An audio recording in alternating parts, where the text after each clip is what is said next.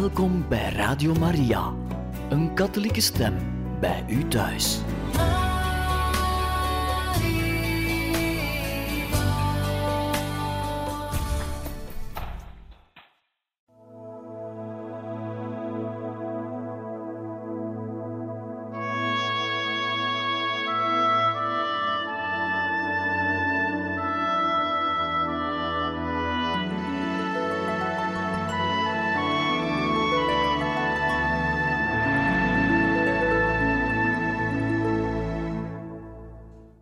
Harte welkom, beste luisteraars van Radio Maria, bij het programma Heiligen Getuigen. We lezen u verder voor uit het boek Mijn Heerlijk Leven, het verrassend geestelijk avontuur van de jeugdige Gabriel Possenti, geschreven door Edmund Burke, dat handelt over het leven van Francesco Possenti, beter bekend als de Heilige Gabriel van Onze Lieve Vrouw van Smarten. Ondertussen waren we aangekomen aan hoofdstuk 6, dat draagt de titel Onverwachte tegenstand. En dat volgt eigenlijk op het moment waarop in het leven van de jonge Francesco een moment komt waarop hij nadenkt over zijn roeping, over de beslissing die hij toch zou moeten nemen na enkele gebroken beloftes tegenover God om het klooster in te gaan en eigenlijk op het moment dat de stad Spoleto onze lieve vrouw wil danken om gered te worden van de cholera-epidemie. En Francesco is aanwezig als toeschouwer bij een processie. Op het moment dat de icoon van onze lieve vrouw van Spoleto voorbijgaat, hoort hij de stem van Maria. Een innerlijke stem die hem zegt: Wat doet gij in de wereld? Maakt dat ge in het klooster kunt komen waarop dat op dat moment voor Francesco duidelijk wordt wat hij moet doen. Maar zoals dat vaak gaat in het leven van grote heiligen, zal daar ook tegenstand voor komen. En daar gaan we nu meer over te weten komen. De haast en beslistheid waarmee Francesco thans te werk ging, stonden in opvallende tegenstelling tot zijn vorige talmende houding. Hoewel voor zichzelf volkomen overtuigd, achtte hij het raadzaam bevestiging te verkrijgen van een onafhankelijke zijde. De priester die het gemakkelijkste te benaderen was, was Pater Bompiani, een Jezuïet, een van zijn leraren, en die gewoonlijk ook zijn biechtvader was. Pater Bompiani liet een verslag van dat onderhoud na, zoals hij het zich enkele jaren later nog kon herinneren. Het luidt als volgt: Zover als ik mij herinneren kan, zo schreef hij, had Francesco Possenti nooit enige neiging voor het kloosterleven aan de dag gelegd. Op een zondag, na het middagmaal, dat was in de maand augustus van hetzelfde jaar dat hij intrad bij de Passionisten, vroeg hij mij persoonlijk te spreken. Ik ging met hem naar mijn leslokaal.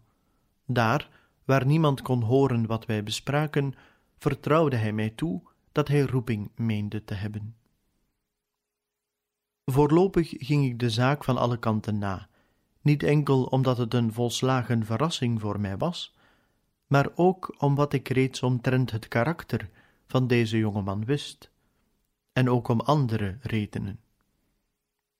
Maar de tekenen van een waarachtige roeping waren zo overduidelijk dat ik hem zonder veel omwegen nadrukkelijk de raad gaf zijn vader op de hoogte te stellen en voor de nodige papieren te zorgen.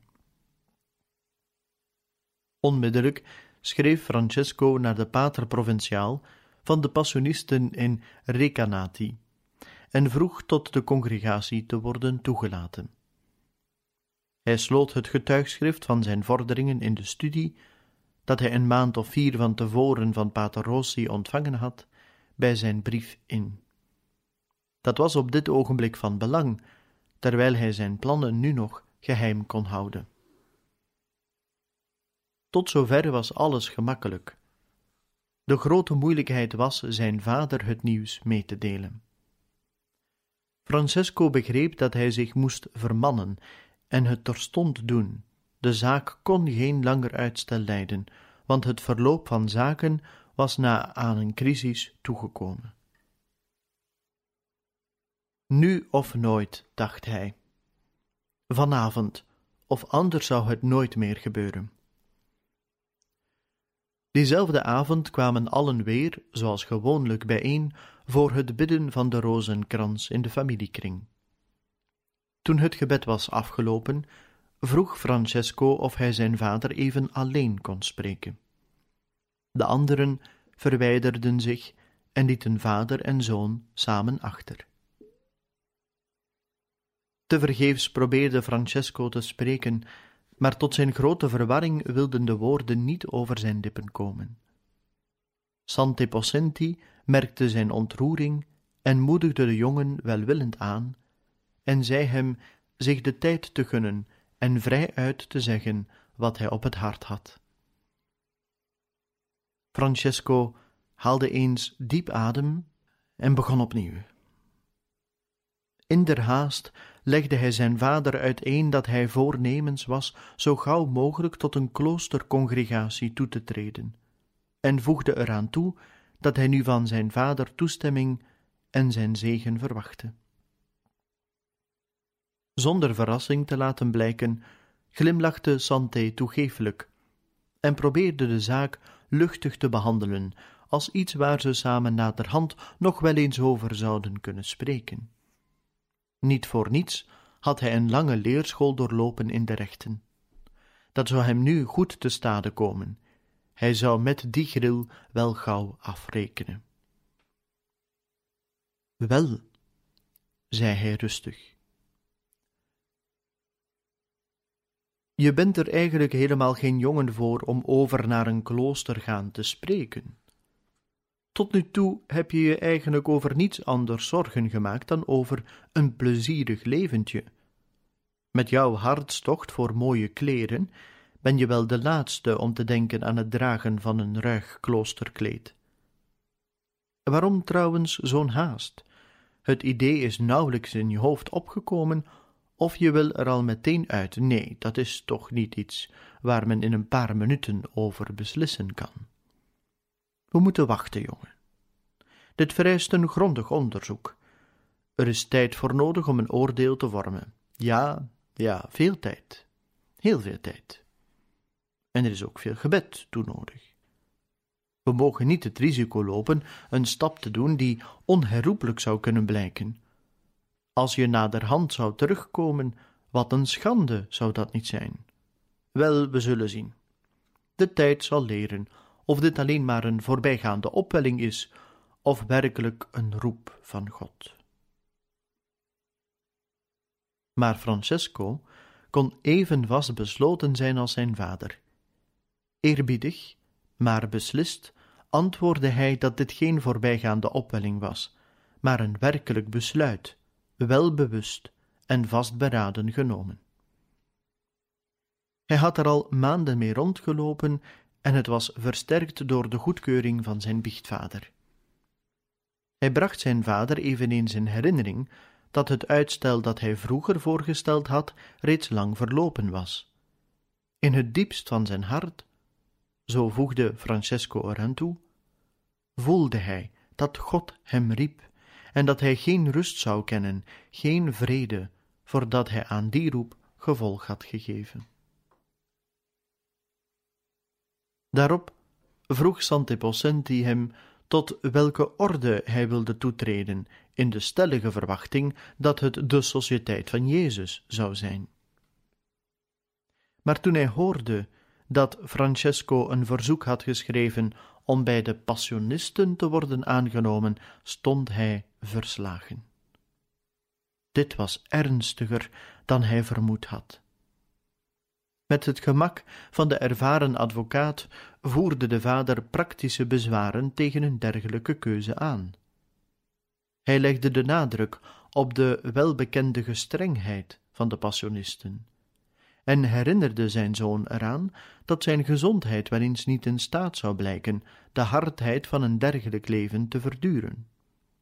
Hij overdreef de moeilijkheden en maakte gebruik van ieder argument, van welke aard ook, dat maar in zijn hoofd opkwam. Van begin af aan voelde hij echter dat hij het af ging leggen, dat hij voor een verloren zaak vocht. Hij had geen hoop meer een overwinning te behalen, maar probeerde tot het uiterste gedreven nog een beetje tijd te winnen.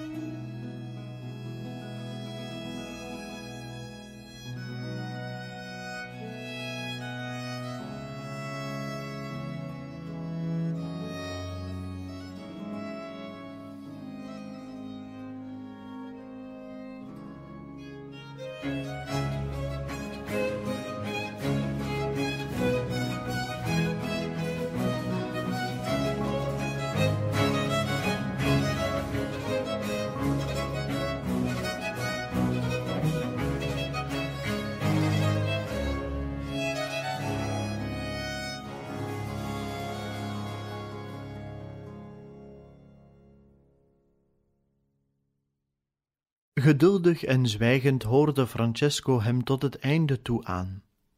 Hij bleef onvermurwbaar bij zijn voornemen. Terwijl hij zich voor zijn vader op de knieën wierp, deed hij een laatste hartverscheurend beroep op hem. Vader, riep hij heftig uit. Ik sta hier niet meer op voordat u me uw zegen gegeven hebt.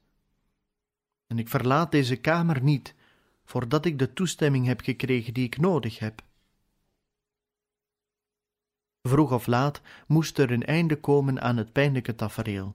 Men moest uit de impasse geraken en het geheel eindigde met een typisch juridisch compromis.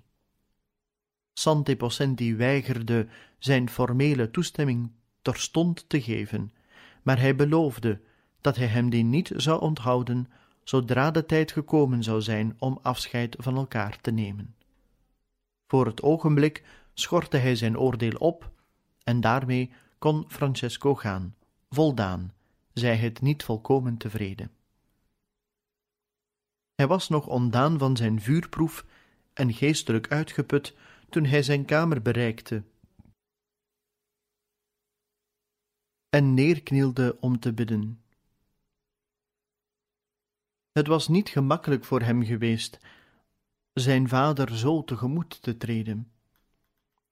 Men mag waarlijk wel geloven dat het het moeilijkste was dat hij ooit in zijn leven te doen kreeg. Wanneer zijn besluit alleen maar hemzelf geraakt had, zou het waarschijnlijk niet zo moeilijk geweest zijn. Maar er kwamen nog andere overwegingen bij. Francesco hield erg veel van zijn vader. Zijn besluit om het huis en zijn familie te verlaten druiste kennelijk in tegen de plicht der kinderlijke genegenheid.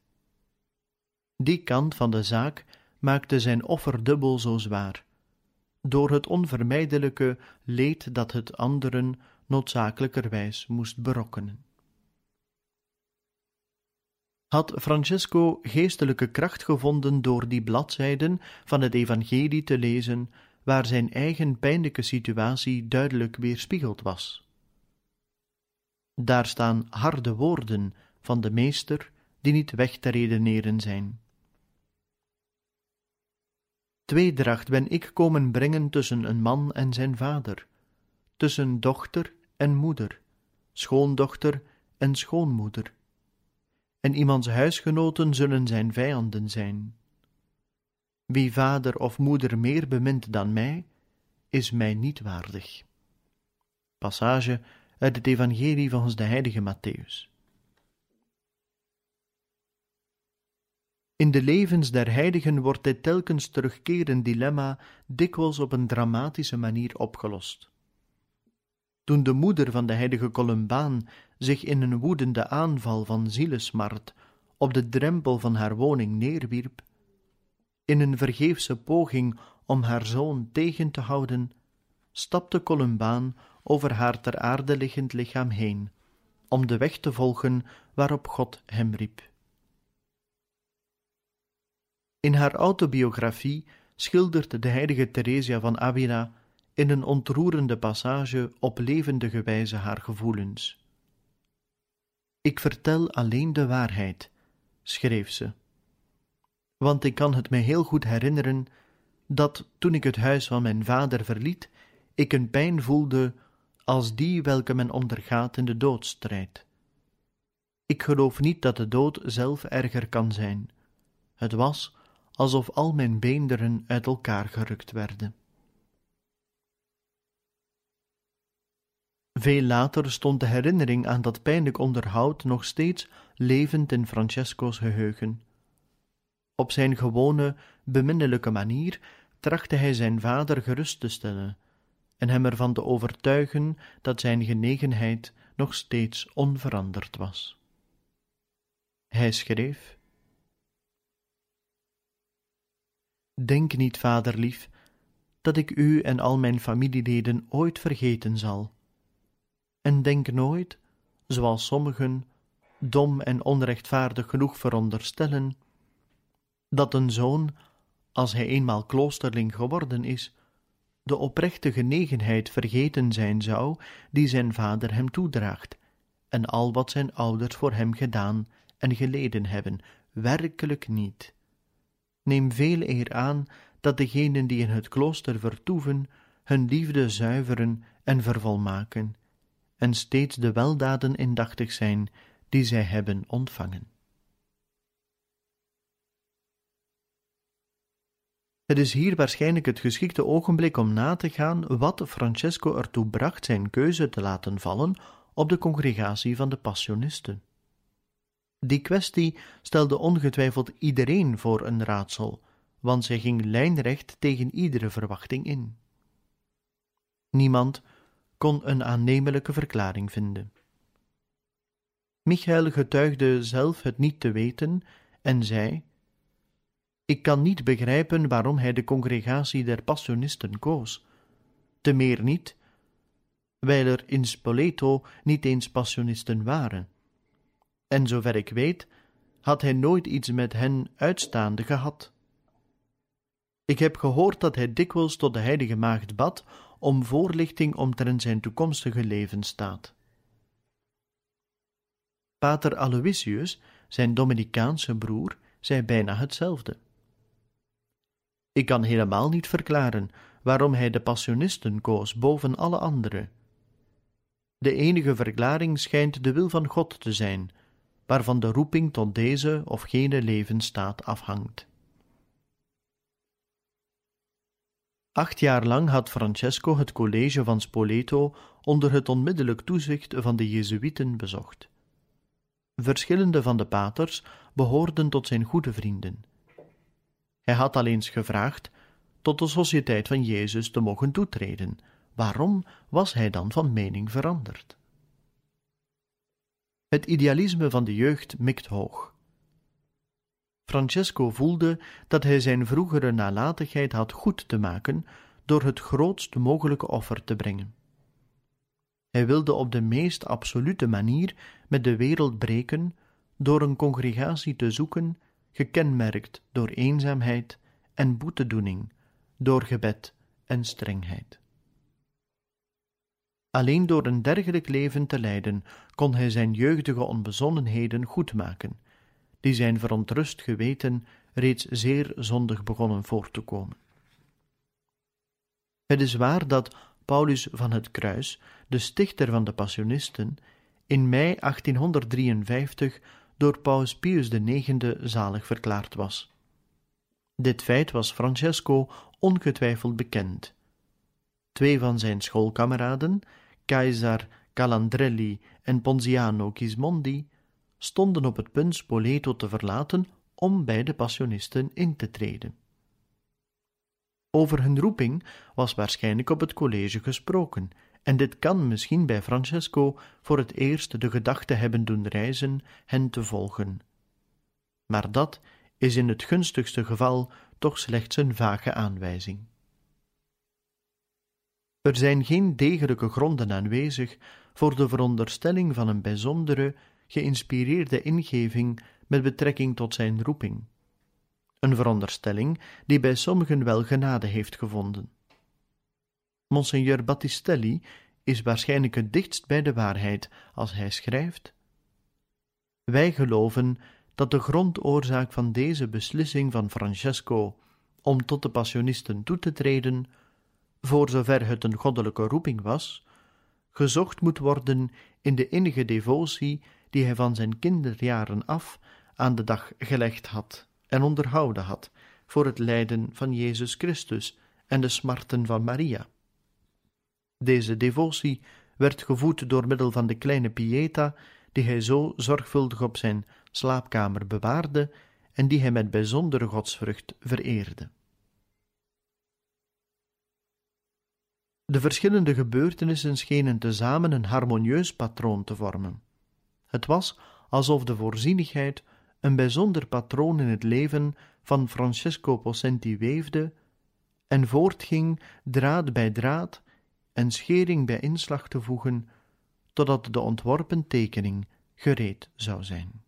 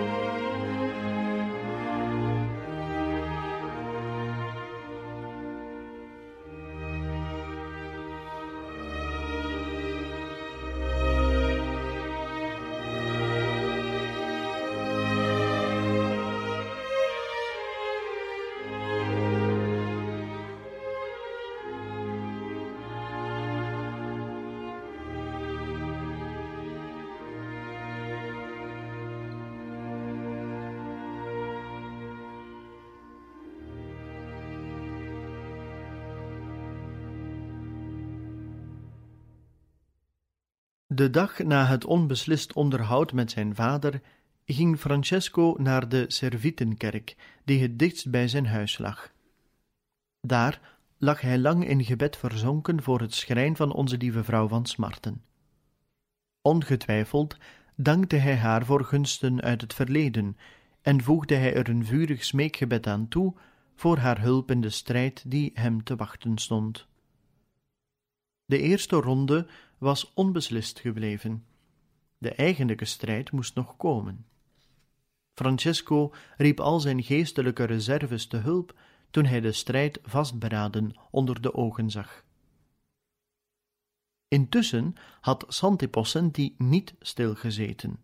Ook hij riep alle krachten bijeen die hij maar verzamelen kon om het vaste besluit van Francesco ongedaan te maken.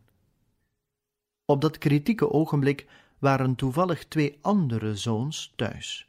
Michael, die weg geweest was voor zijn medische studies, was op vakantie thuis, en pater Aloysius, die onlangs was overgeplaatst naar de Dominicaanse priorij van Livorno, bracht een korte vakantie bij zijn familie door. De radeloze vader besloot beiden te verzoeken eens met Francesco te praten. Eerst riep hij de jonge Dominicaan in zijn studeervertrek, en met een ernstig gezicht zei hij dat hij eens onder vier ogen met hem moest spreken over een hoogst ongelukkige gebeurtenis. Ongetwijfeld haastte de jonge priester zich zijn geweten te onderzoeken, om na te gaan of hij iets verkeerds gedaan had. Hij was danig opgelucht toen zijn vader hem, zonder er langer omheen te draaien, het nieuws vertelde dat Francesco het besluit genomen had bij de passionisten in te treden en dat niets hen daarvan kon afbrengen. Haast zonder hem tijd te laten dit verrassende nieuws te verwerken, begon de vader meteen krachtig zijn plannen verder te ontwikkelen. Hij vroeg pater Aloysius Francesco streng te ondervragen, zijn roeping grondig te peilen en te onderzoeken. Hij stelde zelfs argumenten voor die wellicht van nut konden zijn. Het misnoegen dat zijn vader erdoor werd aangedaan. De moeilijkheden voor de familie. En vanaf dat punt, zo vervolgde Sante, die helemaal warm liep voor de zaak, zou hij kunnen overgaan tot de verplichtingen van het kloosterleven in het algemeen en de nauwgezetheid en strengheid van de passionisten in het bijzonder. Kortom, het was een omvangrijke instructie en de oude advocaat was vol vertrouwen dat zij haar doel niet zou missen. Pater Aloysius deed zijn best, maar zijn hart was niet bij de zaak. Hij wilde natuurlijk wel een roeping peilen, maar al zijn pogingen om het verweer van Francesco te ontzenuwen, door macht van argumenten, kunnen hem moeilijk hebben toegelachen. Hij bracht Francesco onder het oog dat hij thuis altijd aan een zekere mate van geriefelijkheid gewoon geweest was, en dat een minder strenge orde nog de beste oplossing zou zijn. Ook wees hij erop dat het gestel van zijn broer niet zo bijzonder sterk was, en dat de gestrengheid van een leven van boetedoening wel eens te zwaar voor hem zou kunnen blijken. Francesco antwoordde terstond dat hij er zeker van was roeping te hebben om passionist te worden, en dat geen andere orde hem kon voldoen. Wat zijn gezondheid betrof, wel, daar zou onze lieve Heer wel voor zorgen. Het gesprek met Michael was korter, maar wellicht meer op de man af. Is het waar dat je bij de passionisten in noviciaat wil gaan? vroeg Michael, zonder omwegen ter zake komend. Jazeker, dat is inderdaad zo, antwoordde Francesco. Ik neem aan dat je goed over de zaak hebt nagedacht.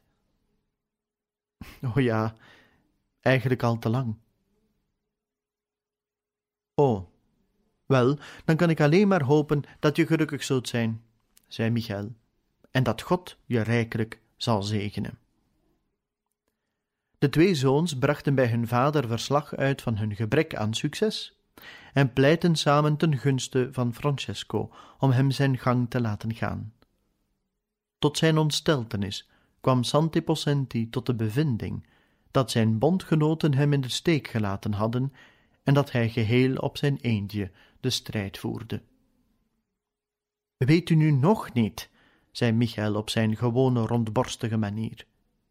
Weet u nu nog niet dat wanneer hij zich eenmaal iets in het hoofd gezet heeft iets te doen, hij van geen wijken weet? U kunt hem beter laten gaan. Daar Michael Francesco beter kende dan wie ook, legde zijn woord veel gewicht in de schaal. Maar het laatste woord was aan Francesco. Hij was nog steeds dezelfde Francesco die zij allen zo goed kenden. Zij wisten maar al te goed hoe koppig en hardnekkig hij kon zijn, vooral wanneer hij ervan overtuigd was het bij het rechte eind te hebben. Al de tegenstand van zijn familie kon zijn vastberadenheid alleen maar doen toenemen. Ik heb besloten passionist te worden, zei hij, en dat word ik. En zo, beste luisteraars van Radio Maria, zijn we aan het einde gekomen van deze aflevering van het programma Heiligen Getuigen. En het lijkt wel alsof hier de strijd beslecht is. Het volgende hoofdstuk heeft dan ook de titel Het laatste bedrijf. Santi Possenti, zijn vader, die eigenlijk ja, toch wel wat weigerachtig is tegenover de roeping van zijn zoon Francesco op wie hij al zijn hoop heeft gesteld om het aanzien van de familienaam verder te zetten, lijkt beslecht door zijn bondgenoten die hij dacht gevonden te hebben in zijn andere twee zonen, en dat heeft er enkel toe geleid dat Francesco nog vastberadener is geworden.